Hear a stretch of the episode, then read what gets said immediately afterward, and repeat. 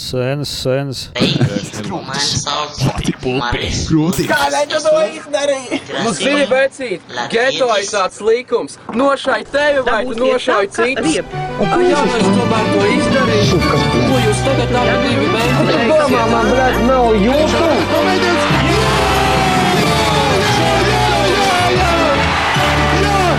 Kādu jauniešu mūsu visur jaunieši. Piecelties šodien.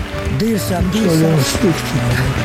Sūkaļ. Vai tu esi gatavs veidot nopietnu attiecības ar ārzemnieku? Kādēļ gan ne? Viņš burtiski teica, man ir nauda. Un es teicu, man ir iedod. Šodien Alus būs šeit. Halo, halo! Jē! Atkal audio ir eh, sinhronizēts. Audio ir sinhronizēts. Mēs esam klāt. Uh, Uhu! Šodien mūs sagaida ļoti izklaidējošs un informatīvs raidījums. Un viens citu kā Jurģa Liepnieku, viņš ir atgriezies Simpsons studijā. Čau, Slūdzu, studijā. Čau, čau visiem. Mikrofons. Pagājušajā mēs satikāmies, uh, kad tas bija jau vairāk kā pirms gada. Uz plosta. Uz plosta. Uh, tas bija tāds, tāds izklaidējošais raidījums, teiksim, tā. Mm -hmm. Iko Honīm un Hai. Tur bija pēc tam arī Prusaka koncerts. Vai, vai zini Prusaku, vai tev patīk Prusaks, Jurģi? Es vienreiz mēģināju iečakot, kas tas ir, uh, bet uh, vairs īsti neatceros. Neaizķēra īsti. laikam. Nē, nu, Jā. es saprotu, ka ļoti cienījams, kas saka, Noteikti, autoritātes. noteikti. jā. Arī Nu- tagad teātrī uztaisīja soundtracku vienai. Prusaks bija headliners tam vakaram. Mēs bijām Jā. tā kā paši pirmie, kas, kas, kas četros pēcpusdienā sāk. Uh, bet šodien jā, mēs, mēs varētu iet bišķiņ dziļāk diskusijā un uzdot tos īstos jautājumus. Es domāju, ka īstos jautājumus Jurģim neviens nebūs vēl uzdevis. Nekādā mūžā. Tas ir Džeki, nu, kā saka, piesakāt nopietnu ambīciju. Ja? Jā, jā. Gribu, gribu redzēt, da. jā nu, protams, ā, protams, varbūt daļa no mūsu autorijas varbūt pat nezina, kas ir Jurģis Liepnieks. Nu, mūsu autors, Tāpēc, ka tāpēc protams, mums ir tāpēc, pieminēts. darētu nolasīt vienu rinkopu, kas man liekas ļoti labi paskaidro. Viņi gan ir uzrakstīti tādā bišku stulbā valodā. Es domāju, ka Jurģis varēs viņu arī palabot nedaudz. Uh, par polittehnologu dēvētais īpatnis Jurģis Liepnieks. Latvijas mēdīņu telpā reizi vien izcēlās ar spilgtiem un provokatīviem izteicieniem, starp kuriem īpašu vietu ieņem viņa pārdomas mainītā apziņas stāvoklī. Es nezinu, vai šis ir tāds godīgs raksturojums no Delfiem par, par tevi. Es domāju, paliksim pie tā, ka īpatnis. Ja. Īpatnis, ja. Tur varēja apstāties. Es Jā. domāju, tas pilnīgi nu, būs ok. Ja? Ja, jebkurā tā kā rakstā es ieraugu, ka tiec, tiec nosaukts par politehnologu, bet šajā tas bija tāds jocīgi, ka tur bija Mhm, par politehnologu dēvētais īpašs. Nu, tā kā viņi pat, vēl pat nedod tev šo politehnologu. Šaus. Status. Ir, protams, tāda profesija kā politi politi politiskais mārketings, politisko stratēģiju, speciāls politisko kampaņu, nu, bla, bla. Mums to sauc par eh, politehnoloģijām. Tāpat kā to sauc Krievijā. Jā, jā. Nu, lai būtu, nu, man ir apnicis ar to cīnīties. vienkārši labs, labs cilvēks. Labs cilvēks. Es zinu, ka tas izklausās, varētu būt uh, kaut kā no, no padomju savienības, varbūt atnācis tas, ka varbūt Nē, nē. Amerikā vai ne kapitālismā tev ir mārketings, tev ir brandings, bet padomju savienībā vot, tur politika tā ir zinātne. Nē, nē, Uh, Padomju Savienībā un bija ideoloģija un propagandas darbs, un uh, tur atkal cita terminoloģija. Tur bija mm, tā tad, uh, nu jā, uh, propagandas nodaļas, ideoloģiskā darba nodaļas Jā. un uh, marksismu, leņķismu, viss kaut kas šis. Mm. Nē, politehnoloģija ir nevis no Padomju Savienības, bet no mūsdienu Krievijas. Mūsdienu Krievijā, Mhm. īpaši kamēr bija gubernatora vēlēšanas, tur vesela industrija, jo tur visu laiku notika ļoti svarīgas vēlēšanas. Un, um, tur ir tāda reāla industrija. Daudz cilvēku, firmas un tā tālāk to nodarbojas. Amerikā tieši tāpat, Lielbritānijā tāpat daudz kur ar to nodarbojas. Tā ir specifiska tiešām tāda nodarbe, bez kā arī nevar. Nu, tāda veida speciālisti ir vajadzīgi mūsdienu demokrātijā. Viņi, Jā. viņu nozīme tikai pieaug. Tas ir kaut kā saistīts ar lobēšanu, kaut, kā, kaut ko tādu. Nē, Tā tas kā nav saistīts ar lobēšanu, tas saistīts tieši ar vēlēšanām. Tieši ar politiķu zīmolu veidošanu, Jā. ar politiķu stratēģiju veidošanu, ar politiķu komunikāciju. Politika ir specifiska to, ka politikā komunikācijas vai mārketings jau ir pats produkts. Mm. Nosacīt, ja tu pārdod ziepes, tad tev ir ziepes. Un tad tu taisi viņām komunikāciju. Mhm. Savukārt, politikā pati jau tā komunikācija, runas, idejas, vēstu, vērtības, viss, ko tu komunicē, izskats, ja, tas jau ir pats produkts. Nē. Mm. Tev tā kā var pirms katrām vēlēšanām var tavs pakalpojums vai tavs padoms dabūt. Ja? Nu, es esmu strādājis daudz arī starp vēlēšanām. Nu, teiks, es esmu bijis ministrs prezidents, preses sekretārs, ministrs prezidents, padomnieks, ministru padomnieks, Aha. ministrs. Es nodarbojos ar to ikdienā. Jā. Teiksim, ministru ministru, ministriem, ministru prezidentiem, prezidentam, visiem mm -hmm, apkārt mhm. ir šādi cilvēki, kam vai vismaz vajadzētu būt. Jā, bet, bet jā, kopumā kā, tu esi laikam vislabāk zināms tieši ar šo, ka es ā, atceros 2000. gadu ziņās. Ļoti bērnībā atceros, dzirdēju Jurģa Liepnieku vārdu. Man liekas, veidojot mm. -hmm. tautas partijai ā, palīdzēja.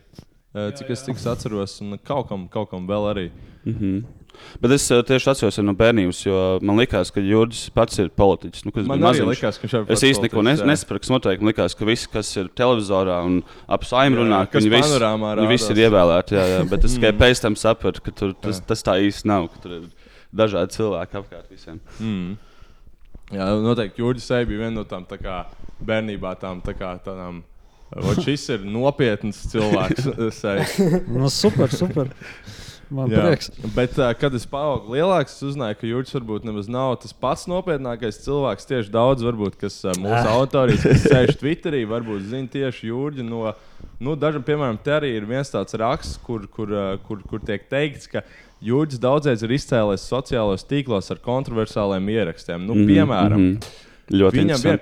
2012. gada Twitter strīdās starp Liepnieku un Latvijas Rādio 3 klasika žurnālistu, kas varētu likties, Radio 3 žurnālists Mhm, varētu mhm. būt ļoti mierīgs cilvēks.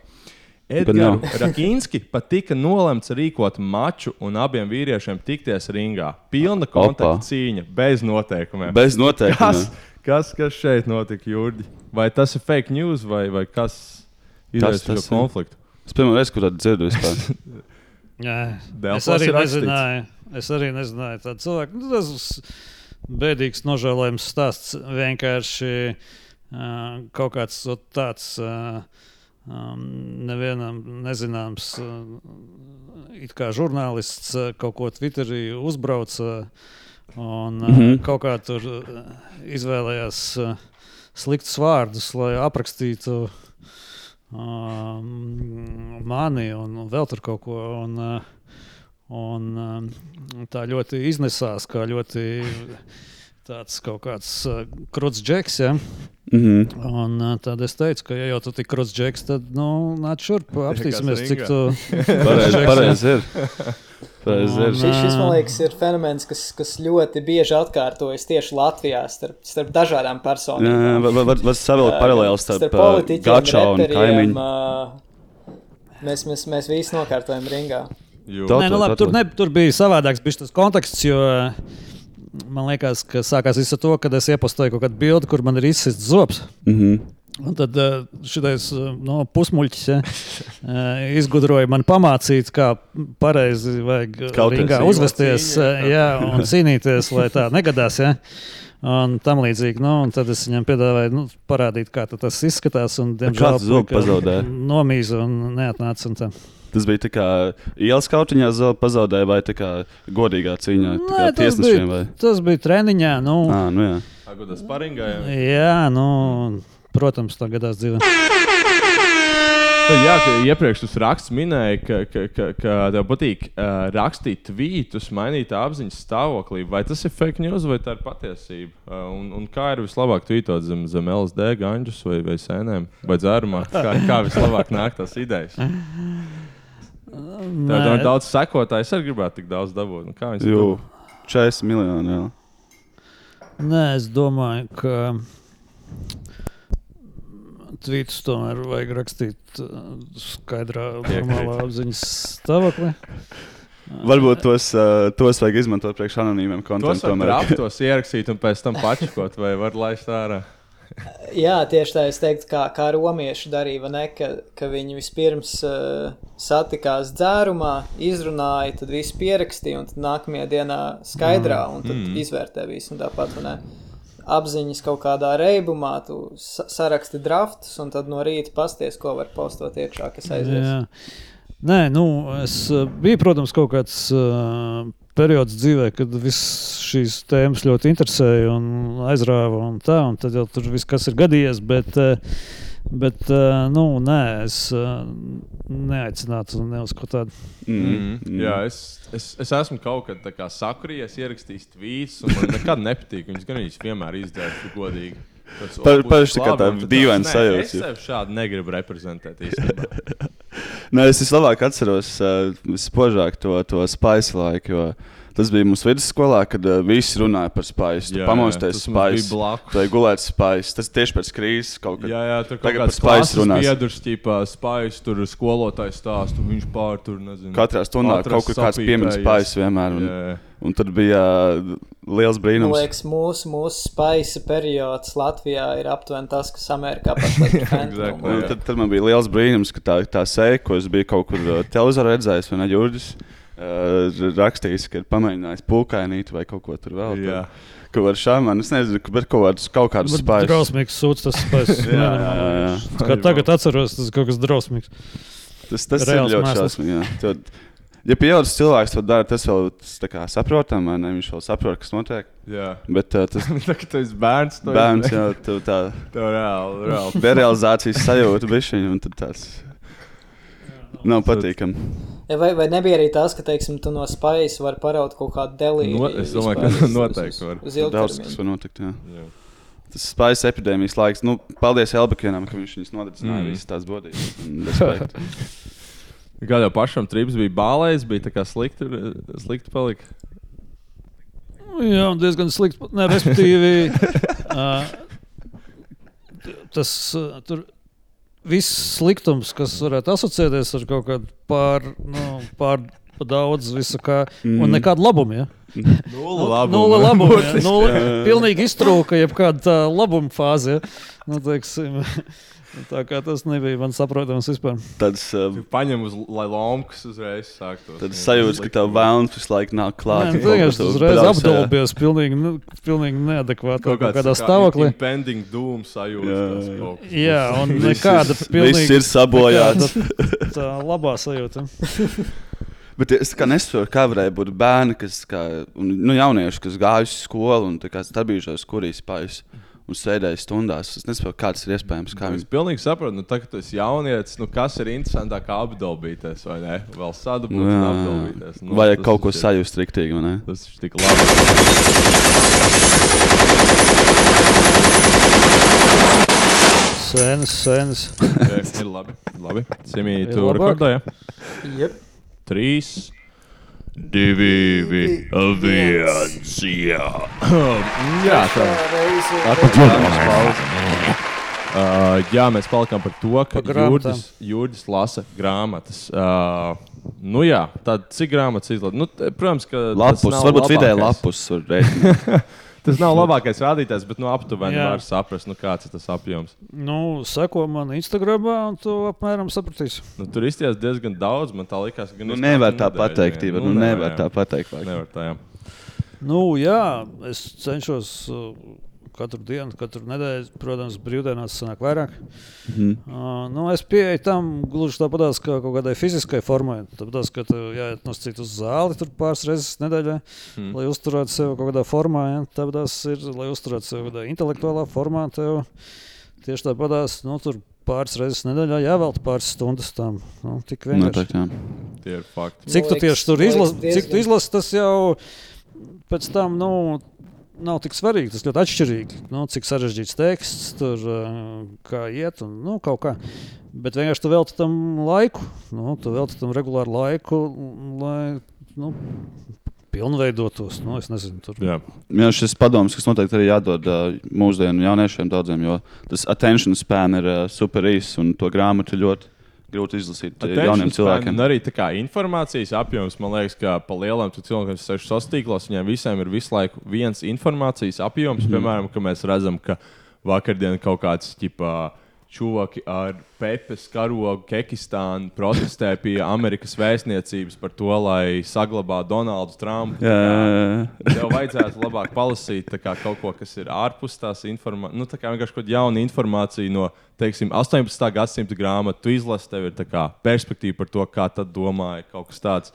Vienkārši kaut Man kas liekas, jauns. Viena lieta ir arī, ir arī tas, ka ne tikai tas uh, uzmanības tā kā, kaut kāds ilgums vai kaut kas tāds, bet konkrēti tas, ka mēs esam pieraduši pie ļoti lielas informācijas tā kā, ļoti īsā laikā. Mm -hmm. Te- Teiksim, nezinu, tu skaties YouTube video, kaut kāds tur 5 minūtes, kas tur apraksta kaut kādu kāru, nezinu, otrais pasaules karš izskaidros 10 minūtēs. Viss kaut kas tāds, tu Facebookā ej, tu visu laiku redz kaut kādu interesantu video par dažādām tēmām, kultūru, reliģiju, viss kaut kas tāds. Ka, man liekas, mums ir grūti pēc tam pieslēgties kaut kādai grāmatai, kur tev tāda sajūta, tas, ka, oh, es tagad veltīšu šim nedēļu, mm. un tas būs viens morāls stāsts ar vienu morāli, kamēr es tajā pašā laikā varētu nostīties, nezinu, 20 filmas ar dažādiem Jā. Stāstiem. Man liekas, Nē, tas nu, ir redzi, arī kaut kas, kas ļoti limitē ir cilvēkus. atkarīgs kādi ir tavi individuālie mērķi un tā tālāk. Es negribu teikt, ka katram cilvēkam ir sevi intelektuāli tur jāattīst un nenormāli jāstrādā. un tā. Mums ir vajadzīgi arī vienkārši darbu darītāji. Mums ir vajadzīgi dažādi strādnieki, un Tieši tā. šoferi, un, um, un uh, bolti, un kas tur jā. Visādi piegādātāji un visādi cilvēki. Un uh, nav obligāti visiem jābūt intelektuāļiem, un visiem nav obligāti sevi jāpilnveido. un Tā tā. Man Twitterī ir bijušas, zem saules. man Twitterī ir bijušas diskusijas, kur teiksim, man IT cilvēki saka, ka viņu profesijā un viņu nozarē grāmatas nevajag. Mm -hmm. Tur vispār nekas nav jālasa. Nu, es nezinu, varbūt, nu, nelasiet. Nu, man taču vienalga. Es negribu uzspiest, ka mm, tur visiem ir jālasa filozofi vai literatūra laba vai, vai kaut kas. Protams, ka tu vari atrast YouTube vai internetā teiksim, kādu cilvēku, kurš ir izlasījis to grāmatu.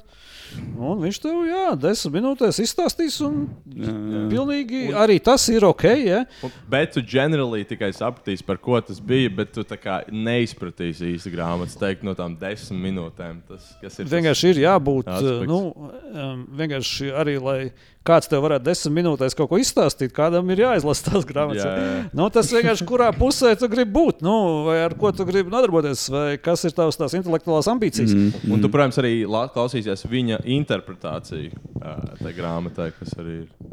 Jā, un, uh, un uh, es arī klausos visādas lekcijas, un tā, jo ir daudzi teksti, īpaši senāki teksti un sarežģītāki teksti. Viņi ir objektīvi sarežģīti un Vai grūti. tas pats un- Heidegers. Es viņu Jebkuras lasīju, priekšzināšanas- neko nesapratu reāli. Protams, nu, un jebkuras priekšzināšanas nodara, un uh, jebkura palīdzība nodara. Un, uh, tā, ja. tā kā te katram savs, nu, es domāju, ka kaut kāds tāds intelektuālais fitness, viņš varbūt ir ok, viņš varbūt ir visiem vajadzīgs. Mhm. Bet, um, nu, varbūt, ka nav. Es negribu Gan nevienu mācīt dzīvot, vai teikt, ka visiem jādzīvot tā, kā es dzīvoju. Nē, taču Dievs pasargā. Nē, ir, ir tā, Jā, ka, man liekas, protams, katram liekas- savs, vai ne? Bet uh, tomēr, ja mēs ja visi mēs kļūtu par uh, software vai ne, de developers, tad mēs varētu visu uztaisīt uh, robotus, kas mums visu dara mūsu tā kā, vietā, visu, visu atlikušo mūžu.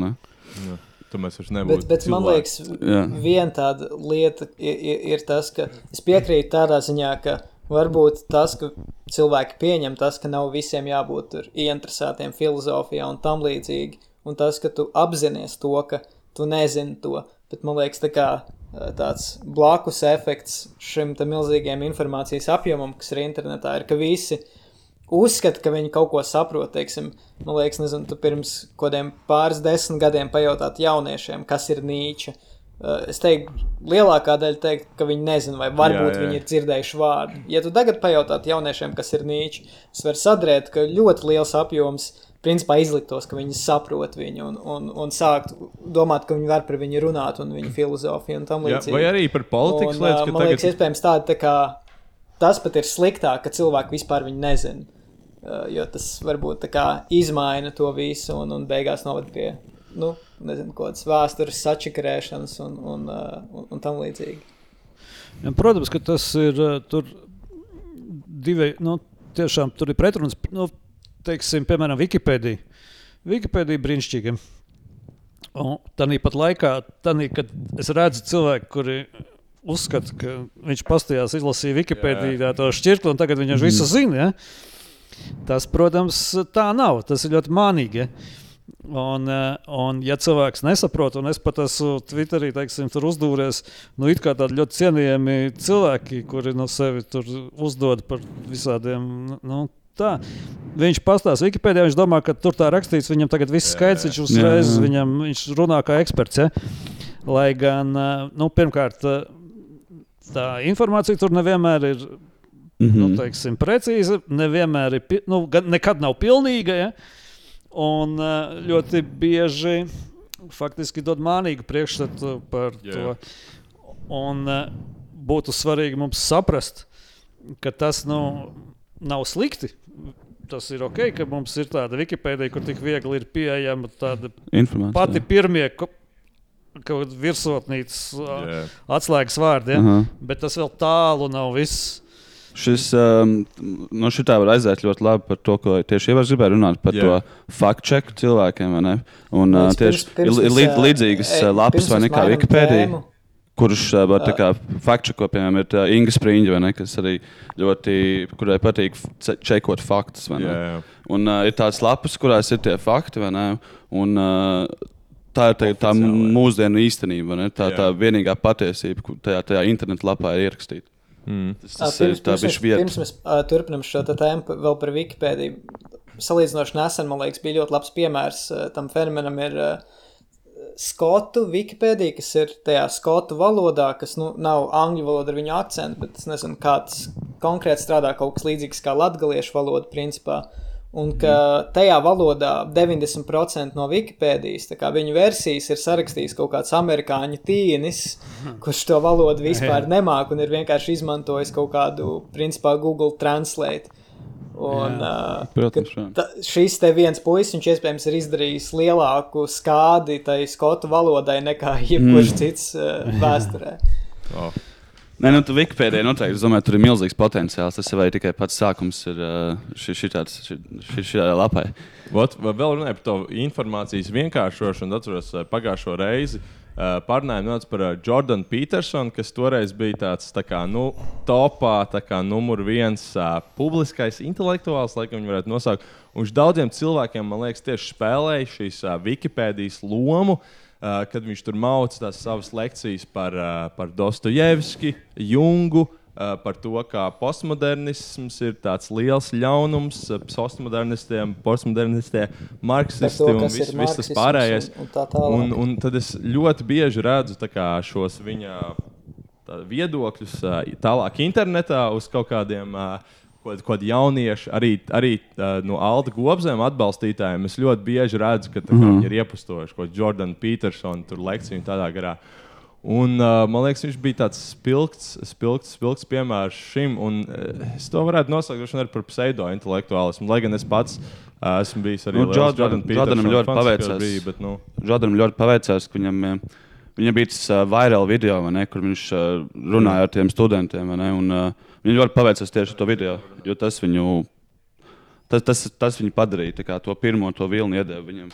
Jo pirms tam, cik saprotu, viņš, nu, viņš bija parasts profesors. Viņš bija profesors, jā, kaut kādā Monreālas universitātē vai kaut ko tādu. Mm. Un šis vispār ļoti interesants stāsts, man liekas, jo kā viņam tur sagāja pēc tam, es domāju, arī klausītājiem var būt interesanti.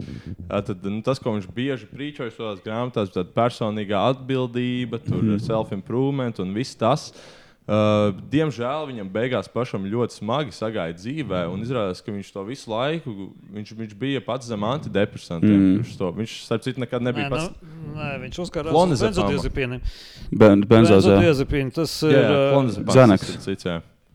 Kaut kas tāds. Nu, viņi tur daudz dažādi, bet, nu, respektīvi, pēc kārtas, ja. Jordans Pinsons, protams, ir uh, savā ziņā fenomens, jo, jo Nav daudz tādu piemēru, kur psiholoģijas profesors yeah. kļūst nu, teiksim, tik virāls. Yeah. YouTube mm -hmm. viņas skatās cilvēki visā pasaulē miljonos. Principā psiholoģijas lekcijas. Ja? Mm -hmm. Pilnīgi normālas lekcijas. Es neko sliktu, nu, sliktu negribu. Labs, neko sliktu galīgi negribu par to teikt. Bet tas ir nu, tomēr viens no tiem mūsu laiku labajiem fenomeniem. Ja? Mhm. Ka nu, arī vienkārši profesors var kļūt, var konkurēt ar nezinu, kaut kādiem plikiem dibeniem vai kaut kādiem nu, kaut kādā pilnīgā muļķībā. Ja. Cilvēks skatās, skatās lekcijas. Viņš ir tik harizmātisks, ja, tik tomēr nu, kaut kādas tās īpašības ir tik unikāls, ja, ka viņš spēja iekarot tik liels autoris. Un, jā, protams, tas stāsts ir ā, nu, ļoti interesants un aizraujošs. Jo nestoties to, ka tik gudrs cilvēks, Jā. tieši psiholoģijā, Jā, jā. un, tā, viņš pats piedzīvo tik smagu krīzi. Kļūst atkarīgs no benzodiazepīniem tik smagā Jā. pakāpē, ka gan arī Jā, nomirst. jā, ja. Ka viņam kad ir jāizmanto kaut kādas ekstrēmas um, terapijas, kuras veids tikai Krievijā. ja. Krieviju, jā, un Jābrauc uz ceļoja Krieviju, kur viņi principā ievada komā. Lai, Jā, jā, jā. lai viņš neno, mākslīgā komā lai viņš nenomirtu no, no tām lomkām, kas rodas no. jā. Tas, tas ir sorry, visbīstamākais lomas, man šķiet, vai ne? no uh, benzos tieši. Jā, Varētu būt, jā. Jā. un es domāju, arī tas stāsts ir ļoti pamācošs. Jo, nu, es domāju, ne visi apzinās, uh, cik uh, benzo ir kaitīgs un cik drausmīgas sekas uh, no viņa radās. Mhm. Atkal pie uh, tik drausmīgas sekas, pie ļoti minimāla bonusa. jo no benzo jau tas. Nu, teiksim, tas, ko viņš tev dod, arī ir tāds, manuprāt, ļoti nu, nepārāk. Nu, ap- Ļoti nekas dišs. Nu, nekas dišs. notrulina. Nekas tāds, kur būtu vērts riskēt ar kaut ko ar tik drausmīgām sakām. Ja? Man liekas, viņš ā, vienkārši to principā padara. Es nezinu, kā Latvijas būtu precīzākais vārds, bet viņš to padara nambu. Jā, Ja tev, nezinu, ir kaut kādas problēmas, un kaut notirpuši. kas tāds, Nu, viņš vienkārši viņi- izdzēš tās kaut kādas Jā, satraukumu, nu viņi- bet arī emocijas reizē. Jā, nu tāda ir tā ideja, ja viņi tur dažādi. Un, un, Mhm, un tā, mhm. nu, viņš to padara, jā, mi- tas pret trauksmi, pret kaut ko tādu, pret uh, visiem šiem. Nu, labi. Un tā tad tas interesantais stāsts ir, kā tik gudrs cilvēks kā Petersons var iekrist tādos sūdos. Ja? Uz tik īstenībā nu, klasiskas lietas. Un viņš pats arī atbild. Un es domāju, tas arī visiem ir mm, nu, jāņem vērā un jāsaprot. Mēs neviens, lai cik gudri mēs sev paši liktos, ja? mēs neviens neesam nu, perfekti. Ja? Un mēs neviens neesam pasargāti no tā idiota mūsos. Ja? Mm. Katrā mūsos dzīvo idiots. Ja? Mhm. Uh, par to nav ne vispār nekādu šaubu. Iespējams, vairāk idiots, un dažādi veidi idioti, kā Gurģijos teikt. Mhm. Un viņi, mm, ne, viņi, viņi visu laiku ir nomodā. Un jautājums ir, vai tu pats esi visu laiku nomodā un pieskati tos savus idiotus Mm. un tiec ar to visu galā. Un, protams, ka mēs ik pa brīdim netiekam. Arī visgudrākie no mums, arī viskrūtākie, kā Petersons. Ja? Mhm. Netiek galā un iekrīt tādos mēslos. Tā. Vai tāpēc uh, es vairāk nestīšos viņa lekcijas? Nē, labprāt skatīšos. Ja? Es domāju, ka tieši tādas krīzes padara cilvēkus um, nu, gudrākus un, un interesantākus. Un tā. Jo nu, es, es neticu, ka viņš uh, nezināja, ka uh, benzos izraisa tādu atkarību. Viņš teica, ka viņš ne, ne, nesot zinājis. Bet tas, nezinu, vai tas ir Nu, ticami. zini, kā jo- tas ir. Nu, Kaut tu kā- kaut lietas sieva zini. nomira, vēl tur kaut kas Ne, bet nācija. Viņam bija, vajadzētu jā. zināt. Viņš tas, Nu, nu, jā. tas ir basic. Tas, Nē, nu, tas ir, cik jā. var saprast, viņš neapzinājās uh, To- tos riskus, nu, ar ko tas saistās. Nu, zini, kā, tu jau varbūt zini, ka tas nav līdz galam ok, bet tu jau nejūti to tā uzreiz. Mm, mm. Un uh, neapzināties, cik tas ir nopietni, un kamēr tas nav noticis. Nu, Varbūt savā ziņā arī e, ego lieta. Viņam šī nu, es jau es esmu slavens pasniedzējs, ne? Es zināšu, kā no tā pats tik tā. Un, uh, beigās Nu, jā, Un, arī tas, ka teiksim, nu, arī alkohols ir atkarīgs, un alkoholisms ir ļoti, ļoti smags, bet nu, tas īstenībā neaptur uh, lielāko daļu no mūsu populācijas no dzeršanas, jo mēs visi Tieši uzskatām, ka tas ir mūsu kontrolē, un, bet diemžēl dažu kontrolē tas nav, un to nevar zināt, līdz tas nenotiek, principā. precīzi, precīzi, tieši tā. jā, un, Un, nu, man liekas, arī, arī viens aspekts te ir tas, ka, kad cilvēki runā par kaut kādām psiholoģiskām tēmām, tie, kas varbūt vislabāk zina par kaut kādām tādām lietām, ir vienkārši tie, kas nezinu, ir tajā karā ar saviem dēmoniem iekšā. jā, ja tu tas, lasītu tas, tev vēl dod to ā, pieredzi, lai par to runātu. Jordan Petersona to, to pirmo grāmatu, Maps of Meanings, man liekas, ļoti laba grāmata. Vispār viņš tur tieši runāja, kādas viņam ir bijis struggle arī iepriekš. Un, un galīgi, galīgi viņš arī nemaz nemēģina sev pozicionēt kaut kādu perfektu cilvēku. un Tā, bet šis viss gadījums bija ļoti interesants. Tur vēl bija iesaistīta arī viņa meita, kas mm. -hmm. būtībā Tas pārņēma jā, jā. to, to, to visu.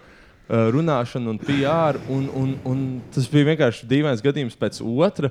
Jo tā meita izrādās, viņa arī baigi ķipa, tur uh, runāja par to. Nu, līdzīgu. Un, un viņa vienu dienu vienkārši izlaida bildi, kur viņa patiesībā ir uz antidepresantiem, uz arī benzos. Un, un es redzu, tajā viņa meitā tā ar mazu, mazu vēlniņu iekšā. Viņai līdz galam īsti neuzticās man šeit. Un tad viņa meita arī, kas ir daudz runājusi par tradicionālajām attiecībām, visu to. Viņa uh, iz, iz, aizbēga no sava vīra, jā, ķipa, jā, kuram jā. viņai bija uztaisījis bērnu ar vienu čalu, ko sauc Wooden Master. Tas ir Andrew Tate, kas ir basically. Iedomājies vis tā kā egoistiskāko, tā kā tādu self-improvement, kaut kādu tā kā liekas, ka viņš ir kā, kaut kāds nīčs, ubermenšs, tāds staigā apkārt, es varu dabūt jebkuru vecenu, jebkuru naudu no jebkura džeka. Bija suteners. Viņš, viņš burtiski bija suteners, viņš webcam girls taisīja gambling sites, nu viss pēc kārtas. Un tad vienā dienā viņš tāds, ķipa, uh, Uh, ieliek bildi kopā ar viņu tāds tā kā jēšīts, uh, my meat, ķip, vai kaut ko tādu. Visām bija tāds, nu, kā kaut kas tāds ir noticis tā kā gada laikā ar Petersona ģimeni. Lī, līdzīgi varbūt ir uh, Jordans Petersons, viņa meitene var arī pa paralēlis vilkt varbūt ar uh, Joe Biden un Hunteru Bidenu varbūt kaut kādā ziņā. Jā.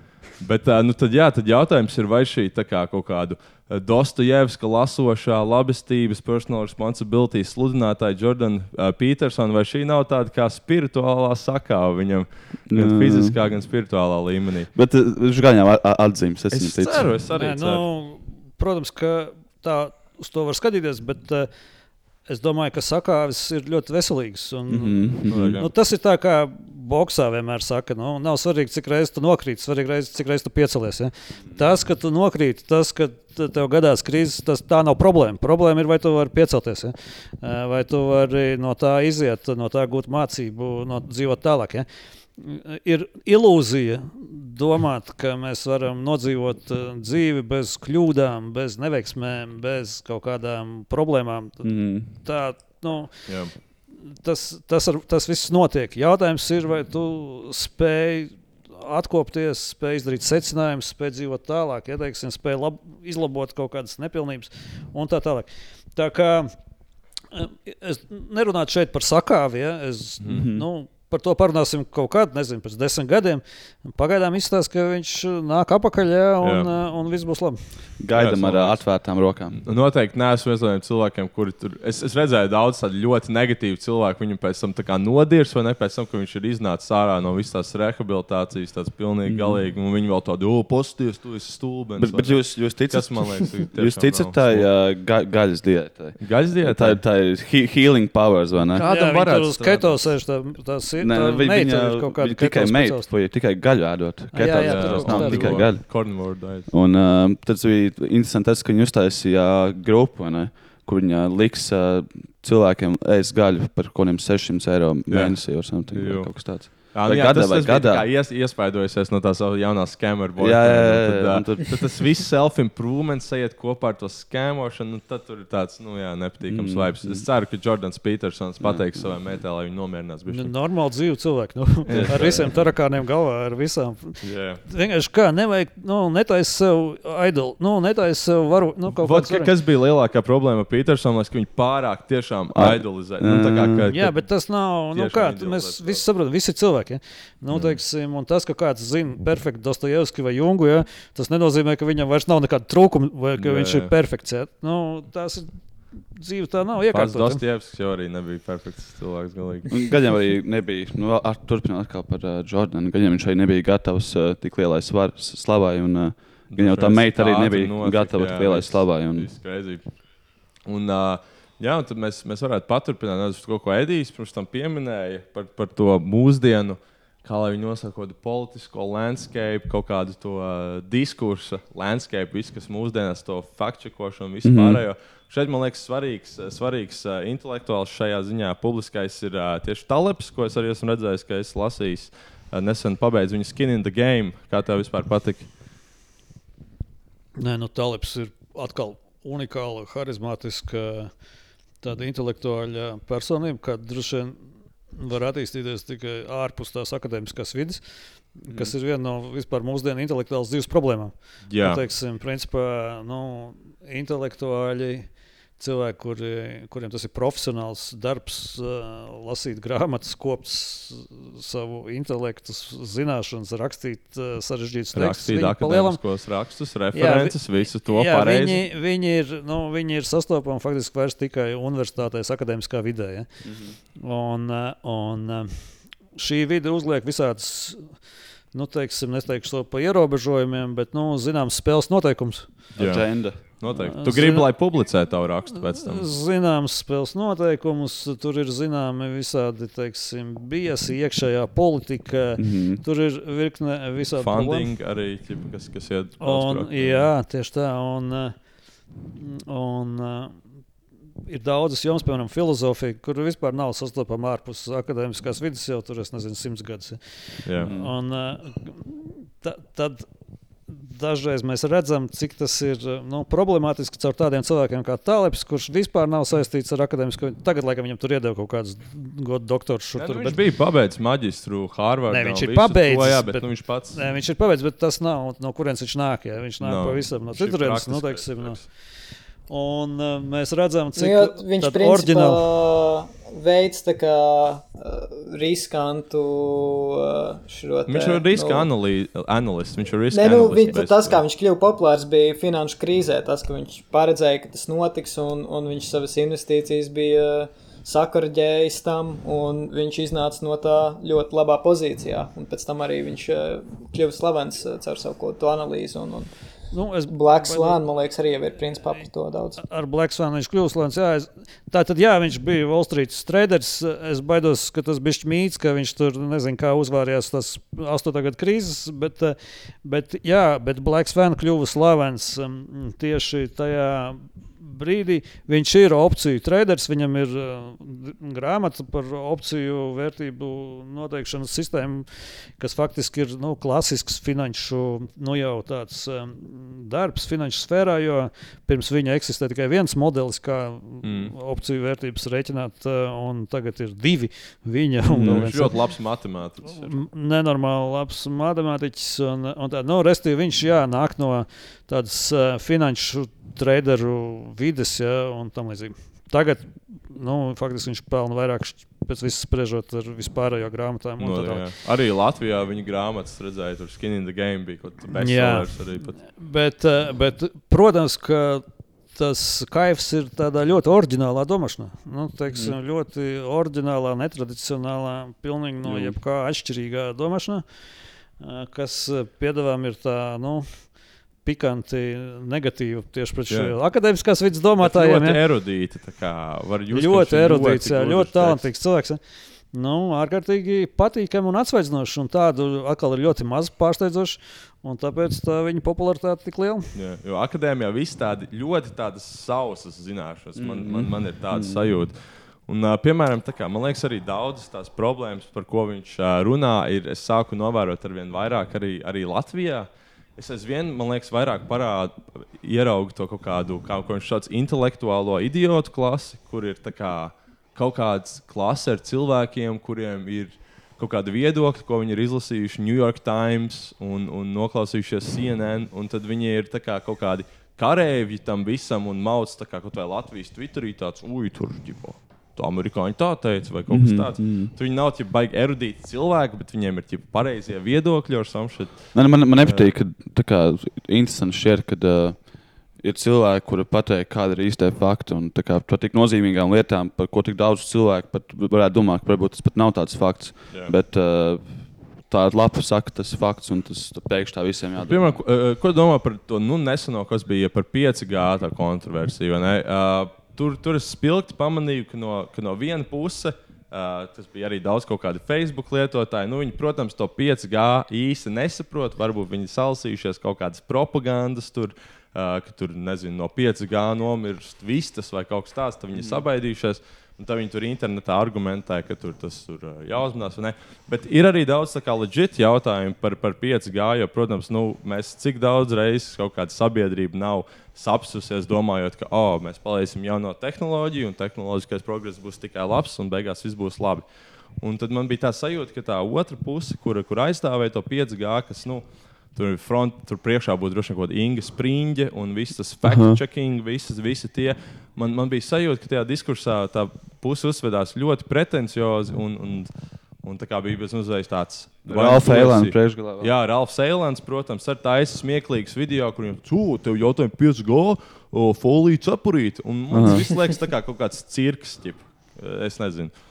Jā. Uh, jā, kāds, kāds tavs viedoklis par Ingu es, es gribu piebilst, ir, ir tas, ka man liekas arī ļoti smieklīgi ir tas, ka tā pati cilvēka klase, kas, teiksim, ir, ir ļoti aktīvi pret visu kaut kādu 5G misinformāciju, ir tie paši, kas noteikti arī ļoti atbalsta globālo sasilšanu, to, ka mums ir jāglāb vidi, lai gan, teiksim, Jā. kaut kādos 2000. gados, principā, kaut kāda vidas aizstāvja ieņem to pašu pozīciju, ka viņi yep. bija kaut kādi tur uh, īdiņi, kas salasījušies tur un, un grib apskaut kokus, un uh, mēs zinām visu to, ka kā, ka tā nav, un, un viņi vienkārši tur pārāk daudz satraucas par to, kas notiek.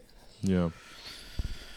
Es nevarēšu, es esmu viens no tiem, kurš nesaprot, kas ir 5G. Es nezinu, kas tas ir.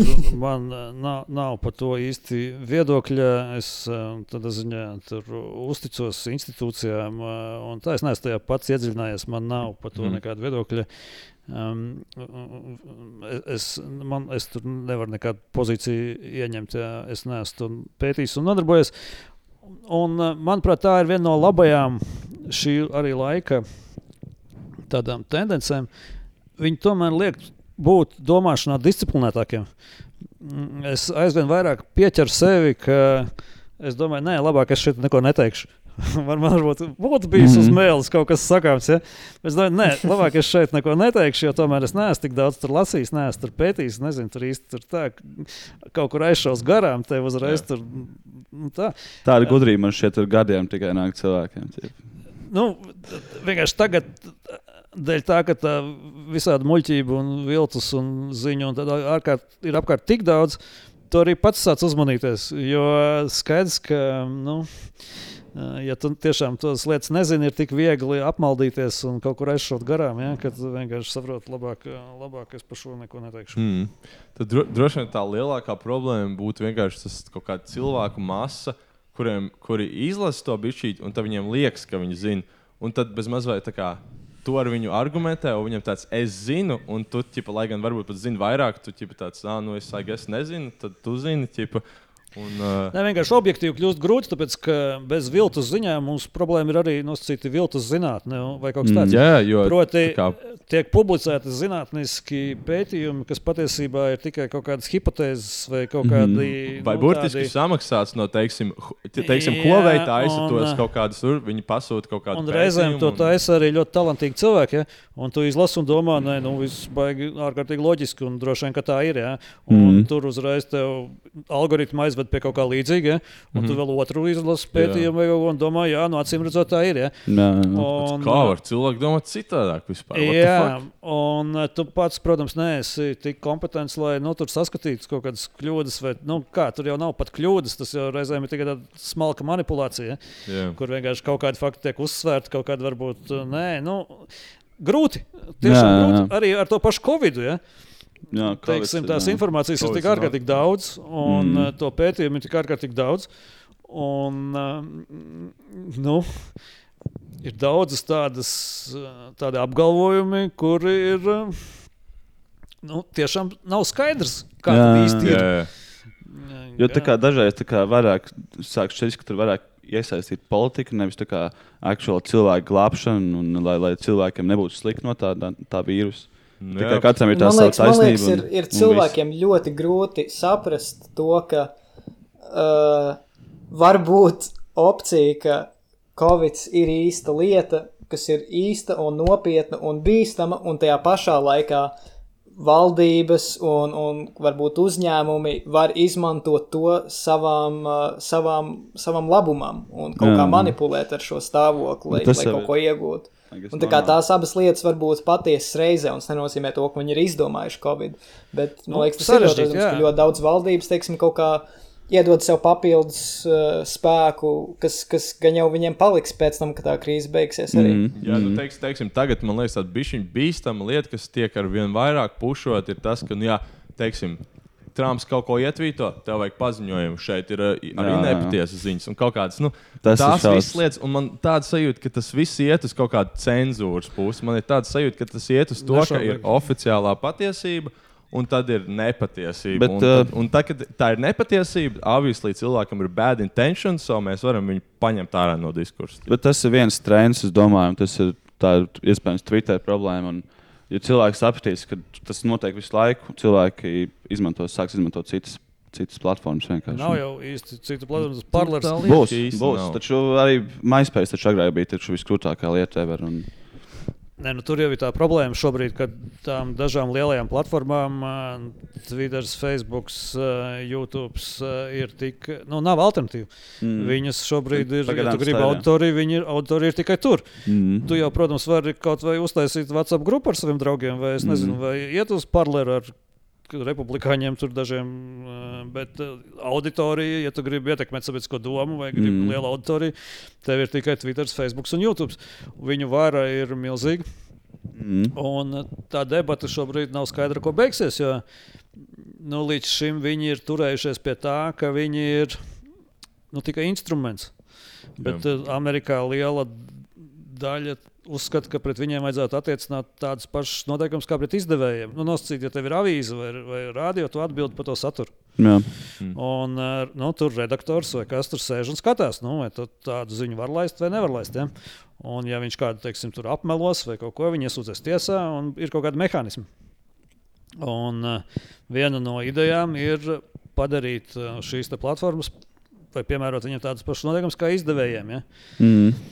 Kas, protams, Jā, liekas, ir absurds, jo tad tev būs, tad katram no mums Jā. Kaut kur tur sēdēs no Rebaltikas kaut kāds redaktors, kurš teiks, nē, šito nerakstīja. Šitais nav pārbaudīts, šitais ir pār, pārspīlēts, šitais tomēr var aizskart tur, eh, nezinu, tur, eh, teiksim, tur Jehovas liecinieku, Jehovas liecinieku jūtas, ja mēs man nedrīkstam tā rakstīt. Man šritīgi saistās to, ko mums stāstīja latviešu valodas un vēstures stundās vidusskolā, kad eh, cik šausmīgi bija mūsu vecākiem un vecākiem dzīvot padomju savienībā, kad bija cenzūras un kad bija jāatskaitās par ko arī nepopulāriem un nepareiziem viedokļiem. Tas kaut kā saistās ar to, kas es kaut kur dzirdēju, ko tādu jā, man, man, bīstamu. Man liekas, tas, ka kā, ļoti, ļoti dumi šajā kā, pozīcijā, ka, ka būtu šie sociālie mēdīji jāuztver kā, teiksim, kaut kādas publikācijas, ir tas, ka tev ir publikācija, tev ir žurnāls. Uh, tev ir atbildība par to, ko tu publicē, jo cilvēki, ko tu atlasi, ir, ir izvēlēti. Cilvēkam mm, tu jā, maksā jā. naudu, lai viņi to publicētu. Bet sociālajie mēdīji pašlaik mums ieņem vienkārši publisko šo telpu, šo diskusiju. Kā mēs runājam, vietu. tas būtu kaut kāds vienkārši. Senāk mēs nu, runājām. Tas ir, kā es teicu pirms tam, jā, tas ir kā kaut kāds centra laukums, ne, mm. kur, kur notiek publiskas diskusijas.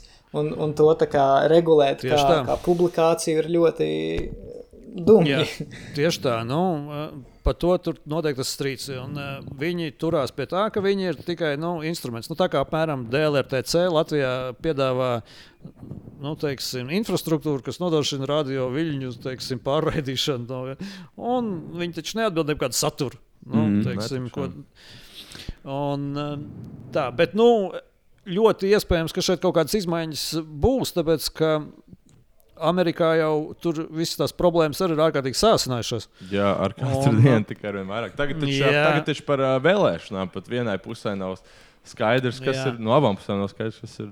Un uh, sociālo tīklu un visu šo platformu ietekme uz tiem procesiem sabiedrībā ir ārkārtīgi liela, lielāka nekā šiem tradicionālajiem medijiem re, regulētajiem. Ja? Uh, Un, eh, nu, pagaidām nosacīt civil, mēs sabiedrību, civilizāciju, mēs neesam izgudrojuši to veidu, kā to pareizi regulēt. Ir kaut kādas lietas, kuras acīm redzam, liekas nepieņemamas. Ja? Bet man tā kā fascinē tas, kā, tas cik vienam cilvēkam var būt daudz varas. Man šķiet, ka tas nevajadzētu tā nekad būt kā Donaldam Trumpam vai jebkuram citam prezidentam. Ir. Viņš tik daudz eh, atbild par cilvēku dzīvībām. Bet kā var būt vēl vairāk varas kā Twitterim, kā viņam var pieteikt nekaunības ASV prezidentu ievēlēto. Un tā, cent, tā kā likt kaut kādus uh, handles pie viņa tweetiem. Tā problēma ir tajā arī, ka, ja tev, piemēram, valsts kaut ko aizliedz, tad tu vari vērsties tiesā.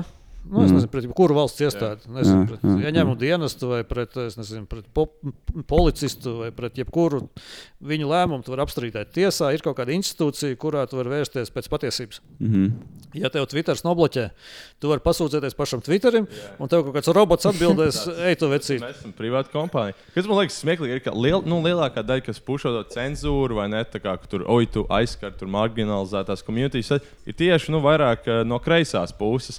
Tad man vienmēr liekas, ja ir ļoti bieži cilvēkam ir tāds, viņi... ka nevar uzticēties korporācijām, jā, jā. biznesam, un es esmu antikapitalists, bet Twitterim vajadzētu būt tiesībām. Tad viņai parunā, viņa ir tāds, ah, viņa actually ir privāta kompānija, vai tu, tu neesi tur pro-kapitālisms, tad tam vajadzētu patikt. A, kur viņam tagad ir tā, tā galvenās ēkas nogalinājumā? Viņi nav pārvākušies Ķīnu. Nu šeit Google pārvācās. Google nu, nē, nē, tās ir amerikāņu kompānijas. Dorsijas ir San Francisco noteikti. Jā. Tas ir amerikāņu kompānijas, mm. bet, eh, nu, protams, tas ir ārkārtīgi pretrunīgi stāsti. Jo, piemēram, ja tev pieder kafejnīca, un tu izdzīsi kādu ārā. Ja? Ja viņš ir gejs, piemēram, nu, tev viņš nepatīk. Like nu, es tev vienkārši, es, es man šī privāta kompānija, es tev negribu. Tu jā, man nepatīk, ej prom. Ja? Nu, teiksim, tā. Tomēr mums būs visādas problēmas. Ja? Nu, teiksim, tas būs skandāls un būs jautājumi par diskrimināciju un visu kaut ko. Ja? Nu, sociāliem tīkliem daudzi pieprasa, lai sociālai tīkli rīkojas tieši tā. Dzēna ārā cilvēkus, kur kādam nepatīk. Ja? Mm. Ne, tu, tu, nu, man nepatīk, ko tu domā. Man nepatīk, kā tu domā. Man nepatīk tavu uzskati. Es uzskatu, ka tavu uzskati ir kaitīgi sabiedrībai. Mani uzskati ir ļoti labi sabiedrībai. Es gribētu, mm. tā, tavi uzskati ir ārkārtīgi kaitīgi sabiedrībai. Bīstam, vai ne? Tiek izmantot sabiedrībai. Bīstams, un tā, un, un, un būtu labi, ja sabiedrība viņus nedzirdētu. Ja? Mm, tas tiek saistīts ar to, ka sabiedrība dzirdētu tikai manus uzskats. Mm. Un tas eh, paradoks un vēsture, manuprāt, to pierāda, ka katru reizi, kad tu sāc šādi regulēt, mm -hmm. var jau būt, ka sākumā tas viss pirmajā brīdī arī darbosies pareizi. Mēs tiešām izdzīsim ārā kaut kādus rasistus, homofobus un tā mhm. tālāk. Mm. Teiksim, kā bija Bet līdz šitais... ko tāda vara man tiks iedota, dzīt ārā rasistus, homofobus un tā, es, es tomēr nu, saprotu. Visticamāk, drīz izdzīšu ārā arī kādu, kas vienkārši tu nepatīk. Nē, vai kādu senu ienaidnieku, vai ne? Vai... Savu ienaidnieku, jā. jā. jā. Un, Un tas paplašināsies. Sākumā jā, jā. man nepatīk rasisti, un tie, pēc tam man nepatīk Trumpa vēlētāji, mm -hmm. pēc tam man nepatīk vispār republikāņi, pēc mm -hmm. tam man nepatīk vispār. Nu, nu, tas, saprot, tas, Jā, tas... Un tas, tas pat nebūtu tikai no vienas puses. Arī, teiksim, varētu būt tā, ka pēkšņi Twitteris izdomā to, ka, nu, varbūt arī sociālistiem nevajag platformu, ne jau par savienību. Un, un tad, jā. Jā, un tad arī viņi tiks sākt banot. Un, Nē, un, nu, un, kā, un tas tad, katrā nozarē, protams, uzreiz uzrodas feministas, kuras uzskata, ka tikai viņi ir īsti feministi, bet tie mm, feministi jā, jā, jā. nav īstas feministas, un tās un ir nepareizas. Es, es pēdējā laikā vien biežāk redzu kaut kāds, ah, ja tavs boyfriends ir homofobisks, tad tu arī esi tā kā, tipa, precīzi. Ļoti, nu, ļoti veselīgi izklausās, ļoti veselīgi izklausās. Aiziet tādā kaut kādā, tā kā, nu, mentālajā ellē, kurā Nē, nevajag. Un vienmēr jau var parakņāties tavā vēsturē un atrast, ka 2012. gadā gadā jā. tu rakstīji, tu uzliki laiku jā, tam jā. džekam, kurš jā, jā. mēs tagad zinām, ir? Jā, jā. Vecīt, mēs esam tādiem, kas laiko tos, mēs tādus. nu, tas, tas pagaidām vēl ir Amerikā skatoties. Jā. Uz Amerikas skatoties. La Latvijā mēs jau laiku, kaut cik veselīgi. Protams, kas ir Latvija? Nu, kas ir visa pārējā pasaule? Tagad, nu, Latvija mēs vienkārši divus soļus aiz, aiz, aiz Amerikas. Pretty much, jā. Pagaidām pāris gadus. Bet, jā, bet, bet Latvija liekas, tā, ir slavena ar to, ka ja pasaulē kāds ierobežojums ir izgudrots, tad Jā. Latvija to noteikti ieviesīs. Jā, bet man liekas, tā lielākā problēma ir ar to visiem sociālajiem mēdījiem, ir tas, ka mēs skatāmies tikai uz simptomiem un ne, ne uz to, kas to izraisa. Teiksim, es absolūti piekrītu to, ka misinformācija un, un ko tā grupveida domāšana ir problēma. Un tas, ka, protams, eksistē Facebookā tur kaut kādas Trumpa vēlētāju grupas, kas ir tur pilnībā aizbraukušas ar jumtu, ne, un, un tā kā mm. tiešām kreizi un iespējams pat bīstamas. Un, uh, un, un tas varbūt nav labi sabiedrībai, bet lieta ir tāda, ka iemesls, kāpēc tas notiek, ir vienkārši visiem šiem sociālajiem mēdījiem. Ja viņiem ir pamat lieta, kāpēc viņi eksistē, ir, lai pelnītu naudu, lai tu skatītos uz reklāmām. Un, lai tas notiktu, tev ir jāpavada pēc iespējas ilgāks laiks skatoties ekrānā.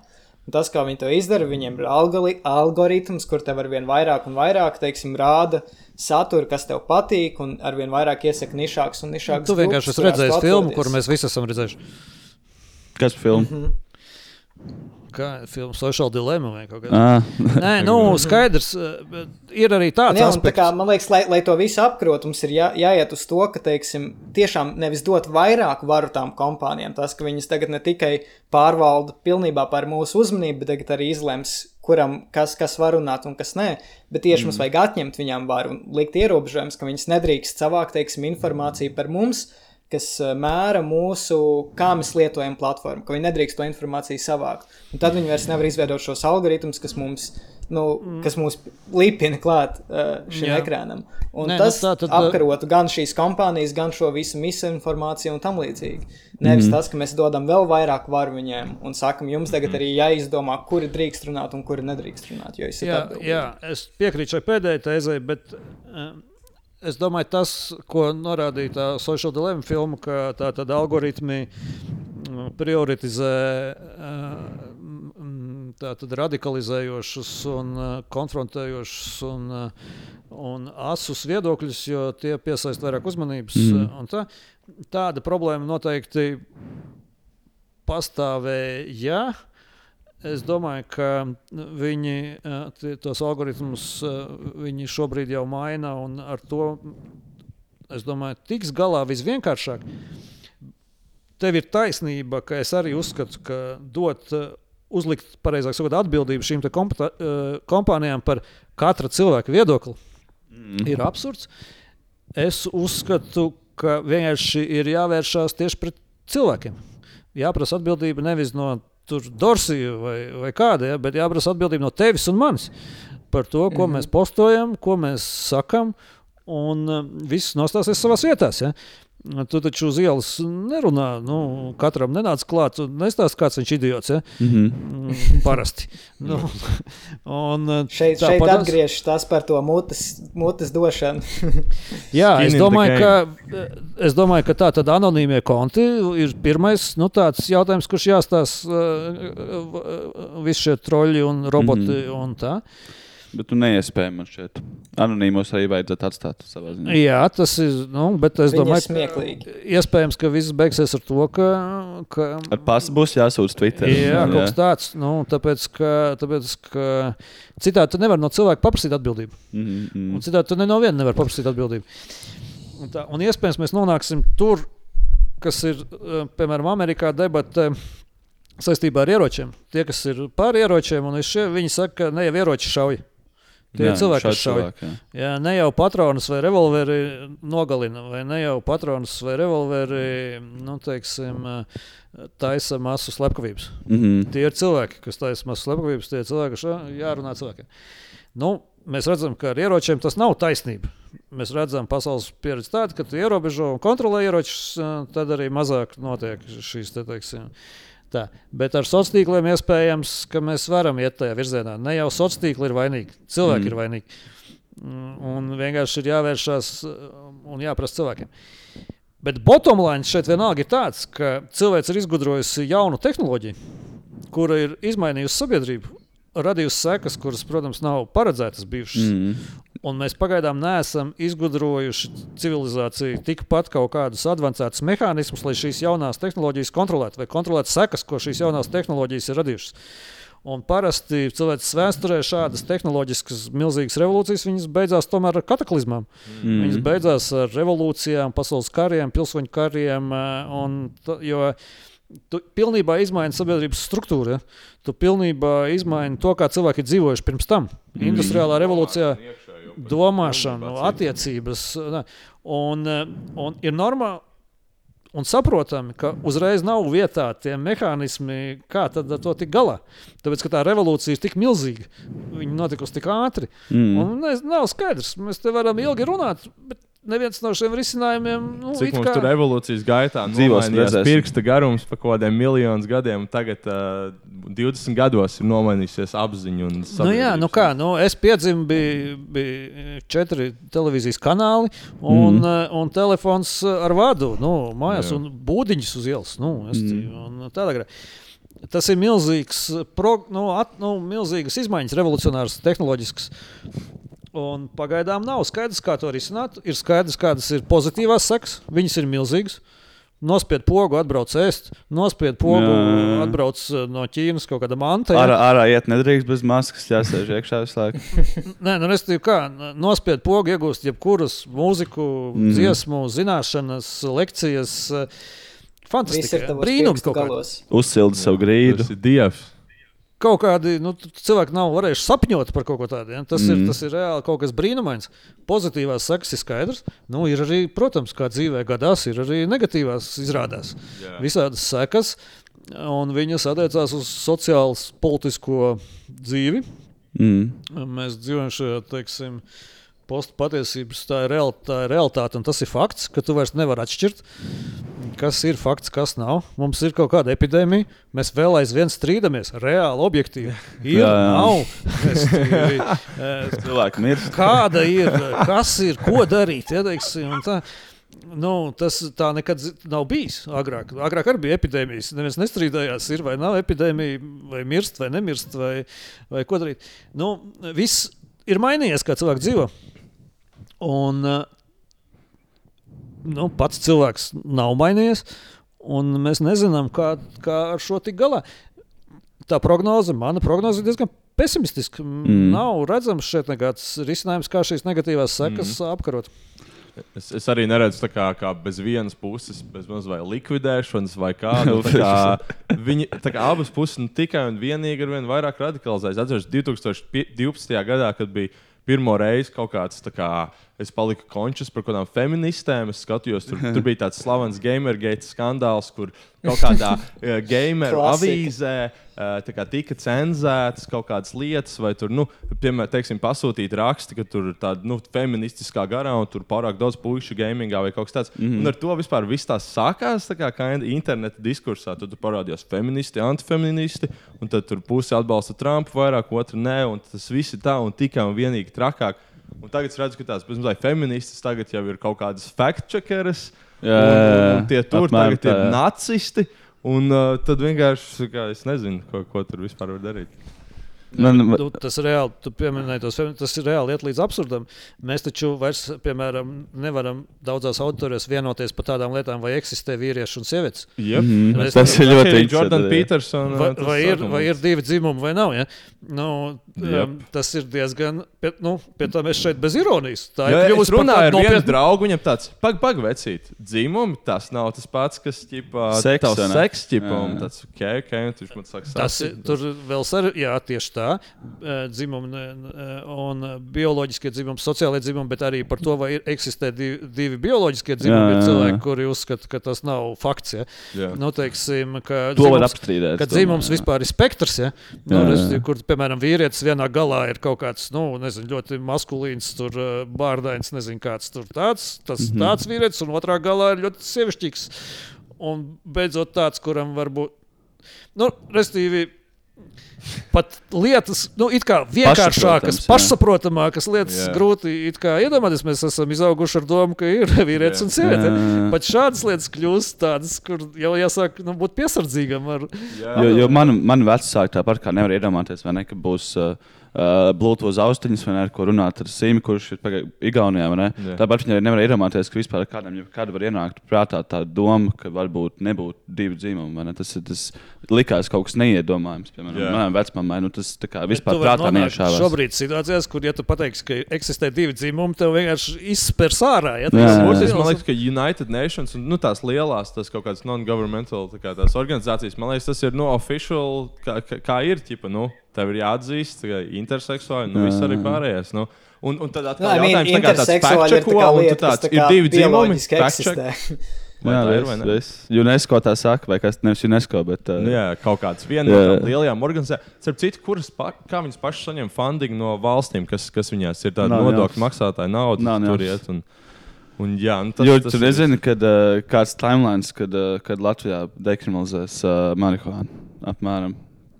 Ne, es domāju, ka Latvija būs viena no pēdējām valstīm vispār pasaulē, kas jau jā, visi jā, būs dekriminalizējuši. Bet, bet sen, jā. kas ir iemesls? Ka, jā, kā, kas, ir, kas, ir, kas ir tā, vai, vai tu savā kaut kādā, nezinu, savā uzskatā, kas ir šie cilvēki, kas tam būtu pretī. Jo, kā skatoties ar vien vairāk jauniešiem, nu, liekas, tā ir tā kā pilnīgi pašsaprotama un pieņemta lieta kā, mm. populārajā kultūrā un, un vispārīgi sabiedrībā. Tas, ka tas nav nekas traks, varbūt visiem tas nepatīk.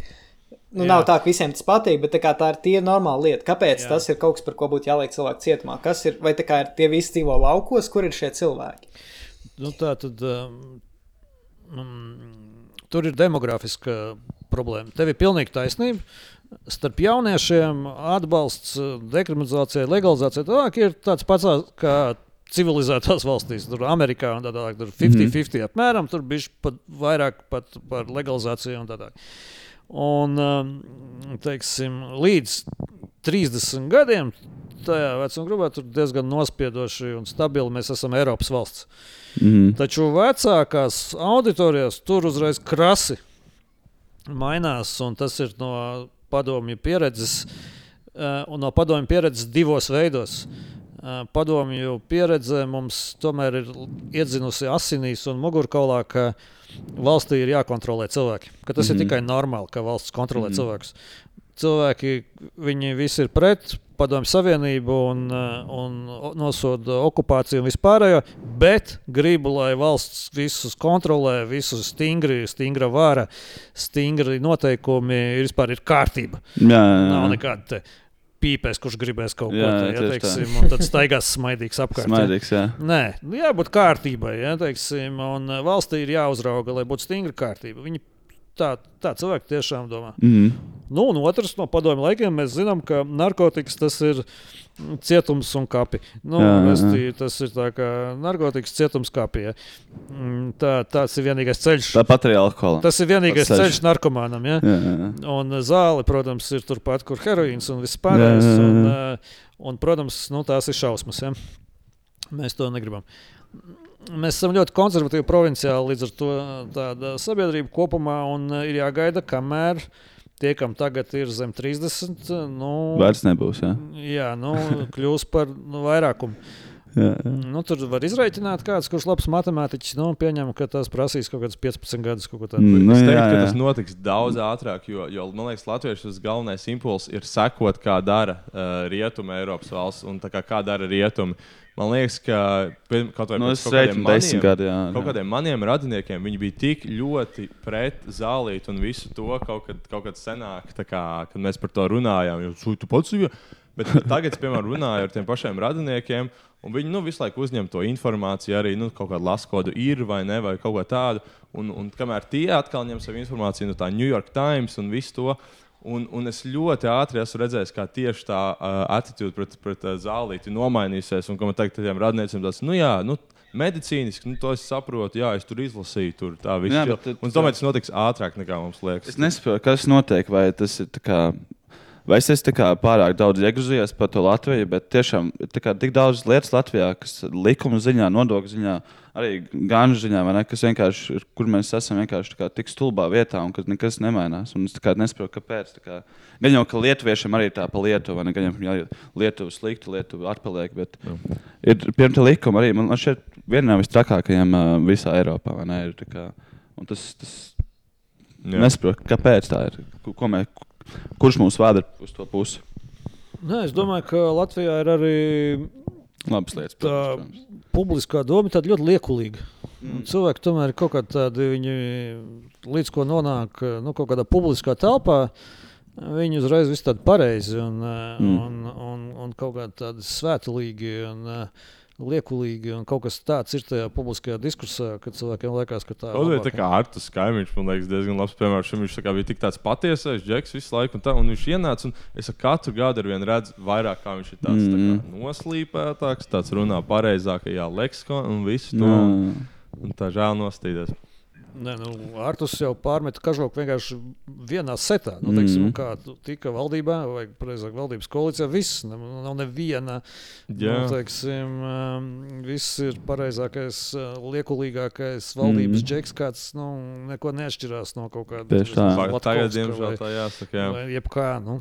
Tas bija tāds liels uh, upset arī ļoti daudziem uh, mūsu veciem jauniešiem. Balsotājiem tas bija milzīgs upset. Jā, jā. nu, ne upset, bet nu, vienkārši tā tāds, nu, kāpēc tā reality check. Jā. Uh, vispār pāris jautājumus gribu uzdot. Ir, nu, mēs mēs, mēs uh, nesen mums bija epizode par tādu milzīgu ped pedofilu skandālu, kas bija Latvijā. Varbūt atceries 2000. gadā. Uh, tur bija iesaistīts Ādamsons, viņš pieteica bāda streiku. Mm -hmm. Jā, jā uh, mums bija vesela epizode par to. Es atceros, bija kaut kur arī pieminēts, kā pat uh, bija tas raidījums 90. un tur bija kā eksperts pasaules, kā par to parunāt. Ko tu atceries no šī skandāla? Uh, kas... Mēs, mēs iespējams esam misinformējuši daudz mūsu klausītājus, lasot no Delfa rakstiem. Jā, varbūt, jā. jā. Tas bija kaut kāds, kā, kā beigās, PR kaut kāds gājiens no citas partijas, vai kas, kas to bija pasūtījis? Jā, jo tas incidents bija, kad uh, nosauca vienā brīdī ļoti daudz uh, augstu rangu politiķus. Jā, jā. Un, Un, jā, var kaut ko šķēli pat nosauca, jā, jā. Un, un kaut ko vēl. Ko domā tieši par to, to, no, nu, to gājienu, ka tika nosaukt? Jā, jā. Piemēram, Lembergs vai kas? Nu, jā, nu, es savā ziņā biju to notikumu epicentrā, jo es biju kādreiz bija premjerministrs un es biju tātad viņa padomnieks. Un, un jā, nu, klasiska tāda nomelnošanas, dezinformācijas viltus kampaņa. Mm -hmm. Mēs neko tādu nebijām agrāk saskārušies tādā mērogā. Tas bija kaut kas pilnīgi jauns tiem laikiem. Nu, proti, caur tur ir kā neatkarīgiem žurnālistiem, tur Edvīna Inkaina un Raidījuma nedēļa uzrādās, pa lielam uzrādās liecinieki, uzrādās divi puikas, mm -hmm. kuri apgalvoja, ka tā, tur divi ministri, premjerministrs un valsts ieņēmuma dienesta vadītājs nu, ir viņus. Nu, neteiksim, tur izvarojuši, bet nu, izmantojuši. Nu, Restīvi viņiem ir bijušas seksuālas attiecības ar šiem politiķiem. Jā, jā. Bet, bet pats tas skandāls, kas iekļāva tās modeļu aģentūras, tas neatkarīgi no tā notika un, un tā kā bija īsts. Ja? Tas, bija, tas ir kaut kas cits. Eisaks, tas ir kaut kas cits. Jā, tur bija reāls stāsts. Jā, teiksim, man liekas, ka Eisaku pat notiesāja. Jā, jā notiesāja. Un, un, tā, tas, ne, tas neatkarīgs, tas cits stāsts. Mm. Šis bija stāsts, kur, kur tā tad uzrādījās tādi džekiņi. Un nu, tā ap, ap, apvainoja veselu šo te, teiksim, virkni. Bet tur bija tā. kaut kāds kā, vienojošais uh, kopsaucējs tiem cilvēkiem, kurus nosauca. Kāpēc tieši viņus, vai kas bija tas kopējais faktors, kurš gribēja nu, viņus ap apmelnot? Kurš, Nē, nu, ja jūs, ja jūs, Iespējams, man, man par to ir ārkārtīgi stingrs viedoklis. Jā. Es esmu pilnīgi pārliecināts, ka tā bija Krievijas dezinformācijas operācija. Mm. Ar mērķi destabilizēt nu, teiksim, Latvijas valdību un politisko vidi, kas arī izdevās. Mm. Visi iesaistītie Pretējā pusē bija vai nu no čekas aģenti, vai, vai, vai ziņotāji, vai, vai, vai, vai darbinieki. Mm, ieskaitot pieminētos Ādamsonu, Inkēnu un uh, pārējos. Paši tie mm -hmm. liecinieki beigās aizmuka uz Krieviju. Jā, jā, jā, dzīvo Krievijā. Jā. Mm, un, uh, nu, tur vēl virkne dažādu. Tā, tas bija vienkārši tāda iejaukšanās operācija. Uh, kur guva milzīgus panākumus, jo mēs neviens tam nebija nekādā veidā gatavs. Un, jo šādi ir grūti atspēkot šādus apvainojumus. Jā, jā, nu, Pareiz, it... Man liekas, ka Adamsons pieteica bada streiku. Viņš tur rīktīgi. Birkaus. Bir, Birkaus, jā. jā. Adamsons. Ārlietu ministrs Birkaus pieteica bada streiku. Ādams bija pretējā pusē. Ādams bija tas, kurš to tur taisīja parlamentārās izmeklēšanas. Jā, jā, precīzi. Jā. Nu, teiksim, un Nu, es labi atceros, kā tas sākās. Teiksim, Lietai uzkārās serveris, es atceros. Un es vienkārši domāju, nu kā, nevar būt, cilvēks tam neticēs. Nu, nu kā, nu kā, nu nevar būt. Un, un, un, un, un es redzu, kā tas iet. Ja. Un tā un diezgan drausmīgi, jo, nu, kā, piemēram, nu, tur taču politiķiem arī ir ģimenes un bērni. Un tā, un mm. bērniem jāiet uz skolu, un, tā, un viņiem saka, tavs fāters vispār tur. Tā. Nu, tas, tas bija diezgan, um, diezgan smagi. Un pagāja diezgan ilgs laiks, kamēr to kaut kā izsortēja nu, un, un, un tika tam pāri. Un, nu, jā, tas bija tāds agrīns piemērs, kurš rāda, cik sabiedrība ir viegli ievainojama mm. ar, ar šādu veidu teiksim, dezinformācijas kampaņām. Ja? Jā, jā tas Ādamsons arī tā kā. Nu varētu būt saistīts, varbūt iespējams ar uh, kuriem Krievijas aģentiem. Vien, nu, viņš jau arī tur bija pretējā. Jā, jā, jā. Nu, Adamsons ir drošības komitejas virsnieks pilnīgi oficiāli. Jā, jā, mums ir, jā. Nu, tas ir viņa CV, zināms, ka viņš ir, teiksim, nu, padomu laikā dienai. Tā tad uh, robežsardzes šajos teiksim, spēkos un tādā garā. Uh, protams, mm. formāli pierādījumu tam, ka šī būtu bijusi Krievijas operācija, tā arī nav. Bet nu, mums jau Latvijā ļoti iespējams formāli pierādījumi. Procesiem ir jā, jā. Bet ir interesanti, jā, tas nozīmē, ka viņi izmantoja to skandālu, kas, kurā bija ASEX iesaistīts vai ne. Bet tas, vai Nē, tā kā e... diezgan ātri to vajadzēja izdomāt, izplānot, ja tas skandāls notika, un tad izmantot viņu savā labā. Vai viņi bija tie, kas to skandālu pašu uztaisīja? Nu, patiesībā mēs tagad uh, redzam, ka uh, šī pedofilija ir nu, arī citur pasaulē izmantota kārts. Mm. Tāpēc, ka tajā ir kaut kas īpaši nu, pretīgs un redzams. Tas ir kaut kas, kas nu, teiksim, raisa īpašas tādas, tādas emocijas, ja, un ļoti uz šo emociju viļņu to ļoti viegli nu, kaut kā kurināt. Ja? Un, um, Nē, nu Latvijā tas pats arī teiksim, par kaut virkne. kādiem, nezinu, 90. gados, kad tur geji sāka parādīties kustības, tad, kā, protams, no labējās puses reizes tā kā viss geji ir pedofili. Jā, jā, jā. Pirmā lieta, jā. Pie, pie kā dodies, ka tev vajag nomalnot otru pusi. Jā, apmēram, jā, tieši tā. Un, um, nu, tas viss tur uh, bija. Nu, mums ir bijuši daudz tādu interesantu momentu Latvijas vēsturē. Uh, arī, arī teiksim, bija tāds Džeks Zigarists. Ja? Jā, 90. Vācijā. Kurš atbrauca, atbrauca Džeks no Vācijas. Ja? Nezināja latviešu nevienu vārdu. Mm. Uztaisīja partiju, tika parlamentā. Mm, nu, un, un Kurš tur piesaistīja kaut, kādus, kaut kādu, man liekas, banāns, materiālu lietu? Dalī... Banā, viņš dalīja banāns. Nē, nu, viņš, viņš izmantoja no politehnoloģijas, ja teiksim, tāds marketinga paņēmis, kas mums bija pilnīgi neredzēti, jauni un brīnumaini. Un mēs neko tādu neviens nebija nekad redzējis un guva diezgan labus panākumus. Un tad, laikam, kontrakts beidzās, aizbraucam un pazudam.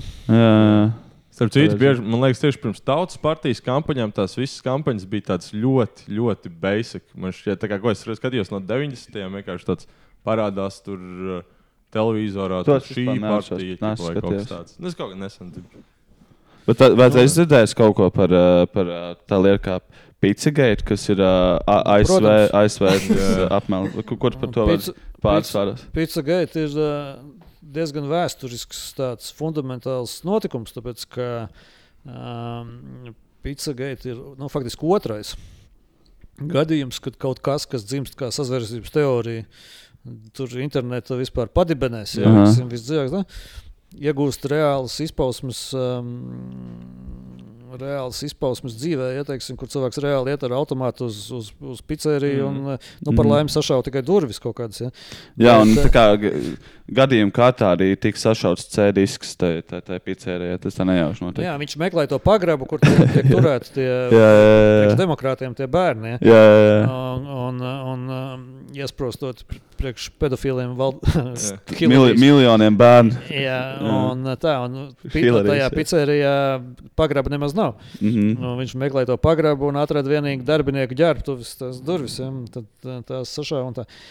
Nē, nu, tā tad Pizzagate, un pirms tam ir 16. gadā vēl viens stāsts par uh, Amerikas armijas mācībām Teksasā, kur sagadīšanās pēc valdība izziņo, ka būs tie lieli uh, manevri armijai. Mm -hmm. Un vienlaicīgi vairāk Walmart veikals slēdz tur tos savus veikalus. Jā, jā. Parādās sazvērstības teorija, ka valdība, Obamas valdība iebruks tur republikāņu tajās pilsētiņās mazajās, mm -hmm. lai atņemtu ieročus tiem republikāņiem. Un tos Walmart veikalos būs cietumi. Jā, un, jā labi un, uh, tur, tur iespundēs visus tos nepaklausīgos. Un tā tā. Jā. Un, nu, pilnīgs absurds, ja, nu, pilnīgi neiedomājams kaut kas. Un tas tik, raisa tik lielu satraukumu. Tur jau saprotas, ka gubernatoram beigās ir jārēģē. Tur sākumā viņi mēģina armijas kaut kādas pārstāvjus sūtīt. Nekas ne, netic, visi tic, ka būs kaut kādas problēmas. un beigās gubernatoram ir jārēģē. Un, um, un tā, un Pizzagate ir nākamais. Tie tie, tie, tie brīži, kur, kur, kur mēs redzam, ka tās sociālās tīklu sazvērstības pilnīgi ārprātīgi debilās teorijas, kuram, nu, kuram sākumā varbūt kāds varēja domāt, nu, mm. maz ko cilvēki rakstīs tādas muļķības. Ja. Jā. Nē, tam ir, tā ir reāla problēma. Nu, man Tas beidzās ar to, tev... ka tu paņem automātu un ej uz, pizza, uz to pizzeriju. Un, un man, man šķiet, ka varbūt, varbūt ir jāielūkojas dziļāk šajā, šajā tēmā, Jurģi. Tad varētu. Pizzagaits, man liekas, man liekas liela problēma ir tāda, ka, ka vienkārši eksistē tik daudz kaut kādas kā tie pirmie soļi sazvērestības teorijās, kas, jā, jā, jā. kas ir patiesi kad paskaties kaut kādiem visādiem CIA operācijām, kas notika 90. gadsimtā. Ir bijuši visu laiku skeči, un viņas arī gadsimtā... paši, paši Amerika ir mēģinājusi noslēpt visu laiku. Jā, nu, jā un, un, teiksim, un kas ir deklas, deklasificētas, un vienkārši tas, ka tās eksistē, nu, un tās bet, ir bijušas eh, tiešām ne, slēptas. Un tad ir... cilvēki vienkārši redz, ka tas ir īsts, un tad viņam liekas, nu, ja šis ir īsts, kas Nē, vēl ir? Šis tomēr ir cits līmenis. Tātad Pizzagaita sākās ar to, ka tika nozagti un publicēti tie Podestas, Hillarijas kampaņas vadītāja e-pasta. Un tajos e-pastos nu, tika pateikts, ka Kod, pārāk kods, bieži atkārtojas vārds pica. Nu, dažādi vārdi, jā. Nē, nu, viss pīcis radās ar pīci. Tāpēc, jā, ka, jā. Viņš, nu, un neaizmirstiet pasūtīt pīci, ja tur, un, mm -hmm. tur nopērciet pīci vai tiekamies mm -hmm. tur. Tā, nu. Un, un konkrēti tika, tas, ka tā bija tā kā siera pīca, kā, kas tika, būtu saistījums jā, CP, kas jā. būtu child porn arī saistījums. Jā, precīzi, jā, un tā tad, nu, bet tu iedomājies, nu, kā, kampaņas vadītājs, viņš pasūta šādu pīcu, ja? Jā. Tas ir vienīgā tam bija realitāte, ja? Un tas tika pārvērsts par sazināšanās teoriju. Antonius Vīners kaut kas saistīts, kurš uh, kur, kur tika atrasts, ka viņš uh, tur sarakstās ar kaut kādām bija meitenēm un vēl nolīkoja bildi, kur viņš pliks ir. Nē, viņš arī bija augsts. Instinkti, piemēram, čīs pīcis vai arī ne tikai. Uh, Arī internetā tas ir kods priekš. Nu, šīs, tas ir klāsts, nu jā, jā, tas ir tas. Uh, ķip, jā. Čīs pīcis. Bet, jā. Nu, jā, nu, tas ir pizzagaitas stāsts, restīvi, un, un, un tā slavena veca pizzerija, kur tieši tāda liberāla, demokrātiski, nu, teiksim, populāra vieta, un nu, tur ir tas pagrabs, un tur ir tiek turēti tie bērni. Džeks paņēma automātu un gāja bērnu atbrīvot. Nu, mm -hmm. Tas ir normāla rīcība. Nu, skaidrs, bet tur yeah. jāatbrīvo tie bērni, kas tur tiek. Bet, nu, protams, tie pici geiteri, vai ne? Uzreiz arī saka, ka tas. Uh, Es tieši esmu arī lasījis, kā, kad uh, tas čels ar automātu, tas jau bija kā, um, CIA, tas, tas bija kā, tas projekts, tas čels ar automātu īstenībā bija false flag, lai, lai, lai parādītu, cik šie cilvēki piecigaiti ir radikāli, ka viņi pat nāks uz turieni ar automātiem. Jo bija interesanti, ka tas cilvēks, kurš gāja tā kā to automātu un šaut, viņš bija pirms divām dienām uh, alkohola reibamā notriecis uh, bērnu uz ielas. Un tā kā izsāļas tādas interesantas lietas, vai ne? Uh, Mm -hmm. Tā kā tu tos cilvēkus vienkārši ierauj tajā, tajā, tajā rabbit holā iekšā. Jā, pēc tam, piemēram, un, ja cilvēki atrod kaut kādu šeit, tā kā kāds, oh, man šito neviens nepateica, un tad viņam tāds, tad var pateikt kaut kādu nākamo lietu, kas nav patiesa, varbūt, mm. tad viņiem ir tāds, tipo, ah, jā, šis tagad čīsts sajiet kopā viss. Mm. Šabi... Nākamais stāsts, protams, ir Kvanons. Ja? Nu, jā, Kvanons tagad ir milzīgs. Tagad lieta, mēs, protams, tur esam jau nākamajā fāzē. Man liekas, fāzē. ka, ka šim visam ļoti, ļoti, ļoti nepalīdzēja viss Epsteina prikals, ka kā, jā, jā. tas tika coverots ap un bija iesaistīts ar populāriem cilvēkiem. Prince Andrew, piemēram, atceramies to viņa BBC interviju, kur viņam mm. svīd un jā, tas, un ka beigās atklājas, nu, ka tiešām kā, viņi ir kā, to darījuši. Un vat, tas, man liekas, radīja tādu milzīgu, milzīgu skeptismu. Jā, tā kā, bet, nu, tādos vidējos, normālos cilvēkos, kas parasti ticētu, ķipa, Tagad viņi sēž Facebookā un viņiem tas, tipo, es, es zinu labāk. Ķipa, tagad. nu, jā. tā kā tā, jā. Jā. Jā, man liekas, mēs vēl neesam redzējuši nu, jā, tā, nu, tie, tā beigas, ir tā jaunā kā, pasaule. Tas ir pilnīgi citā un, līmenī. Viņiem ir vesela sava mitoloģija par to, kas notiek pasaulē, un, un tie ir miljoniem cilvēku. Jū. Nedzirdzim vairs? Jā. Jā. Tā, tā, tā. Cik mums jau ir? Tūlīt jau arī nobeigsim. Jā. Uh, es, es gribu pajautāt vienu lietu. Čīst. Jū, tā. Pajautāt. Dzirdam. 1, 2, 3, 1, 2, 3. Jā, viss čil, viss čil. Okay. Jā, mēs, mēs pirms tam pieminējāmies par, kā, par, par politiku, Latvijas politiku. Tas, kas man liekas, ko es jau kādu laiku vispār gribu kādam pajautāt, man liekas, tas būtu ļoti labs uh, cilvēks, kam to pajautāt.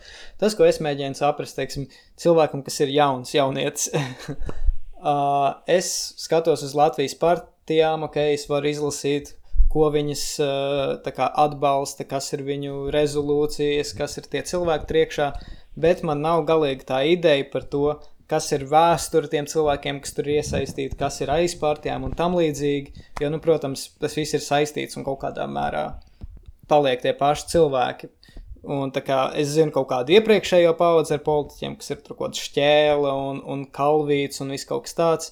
Bet kā, kā šīs lietas, kā šīs paudzes saistas, tās mūsdienu partijas, kas tagad ir attīstībai pār uh, un, un nacionāla apvienība, viss kaut kas tāds.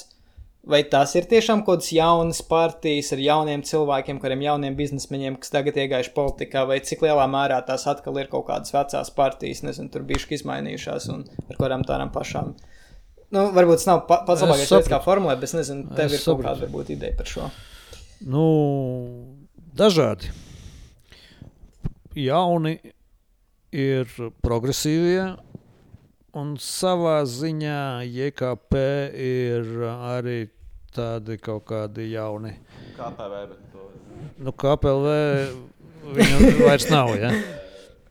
Viņu vairs nav. Nu tā. Bet tur ir sarežģīti atkal viss, jo būt tas, pilnīgi jaunam. Vairāk interesē, teiksim, attīstībai pāri, kas man liekas tāda, kas ļoti sevi, tā kā vismaz PR, ir, ir tā kā mēs esam jauni, tur vis kaut kādi biznesmeņi, kam sāka interesēt politika, jo mums interesē Latvija, bet tā kā ik pa laikam viņiem parādās skandāli, kā, teiksim, tagad ar Juri Pūci, mm -hmm. un, un vēl tā kā, es nezinu, cik tur ļoti lielā mērā ir jaunups iesaistīts, viskorās viņi finansēs, nu, man par viņiem ir ļoti liels skepsis un jautājumi tādā ziņā. Nē, nu, attīstībai pār jau ir dziļas tomēr saknes. Viņi ir tur, tie visi ir kaut kādi jaunais epšas, laiks. jaunais laiks, vienotība un tā. Tie, tie es neteiktu, ka ir nu, jauni cilvēki politikā. Tieši otrādi mm. tie ir pieredzējuši. Tas ir Mārtiņš Bondars. Kā, Jā, tie ir pieredzējuši cilvēki politikā. Jauni cilvēki ir, progresīvajos ir jauni cilvēki. Uh, un uh, JKP. Bet nu, tur viss ir tik uh, sarežģīti tajā ziņā, ka normāli vislabāk, protams, būtu kaut kāds veselīgs miks. Tāpēc, ka nu, tie jaunie cilvēki, viņiem ir savi plusi, viņi ir svaigi, enerģiski, nu, mm -hmm. nesasmērējušies un tā tālāk. Bet nu, viņiem arī ir ļoti maz izpratnes par to, kas tas ir, kā to dara. Un, un tā. Iespējams, un, arī impulsīvi ļoti brīžos. Un... Jo tomēr politika ir arī prof, nu, bez visa cita. Tas nav tikai labi nodomi. Mm -hmm. un, un, un, tur, tur ir daudz profesionālu visādu lietu. Uh, jāmāk melot, gan jau arī labi. Nu, nē, nu, jā. vai, vai vispār ir iespējams, vai vispār ir iespējas būt Latvijas politikā vecam vēzim un nebūt netīram? Vai, vai to kāds ir panācis, kas tiešām visu savu karjeru ir, ir palicis pie kādiem saviem standartiem un reiz nav bijis iesaistīts skandālos? Vai vispār ir tāda piemēra īsti? Nu, noteikti, ka ir. Nu, protams, ir jājautā pēc definīcijas, ko nozīmē būt netīram. Ja? Mhm. Bet, eh, bet eh, nu, nepārspīlēsim. Nav tā, ka visi politiķi Latvijā būtu kaut kādi zagļi vai, vai nelieši. Vai tā, tā noteikti nav. Un, eh, jā, cita lieta, cik tas ir.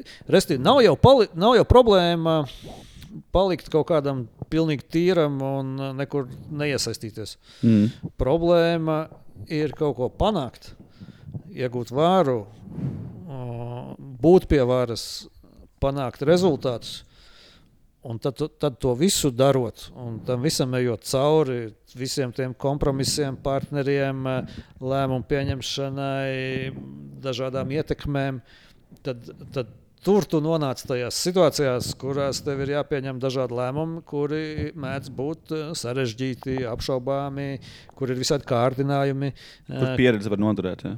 Kur, kur arī tev nu, var kāja viegli paslīdēt. Ja, mm. tā, tā, ja. tā, tur se, mums ir pilns visādi ierindas deputātu, kuri nekad nav ietekmējuši neko. Uh, 64. saimā viņi ir pilnīgi tīri kristāli dzidri. Mm, lielākā mm. daļa no viņiem, kad benzīna talo tur šito te tagad kompensāciju, nu, nezinu, 100 eiro kaut kur izkrāpīja.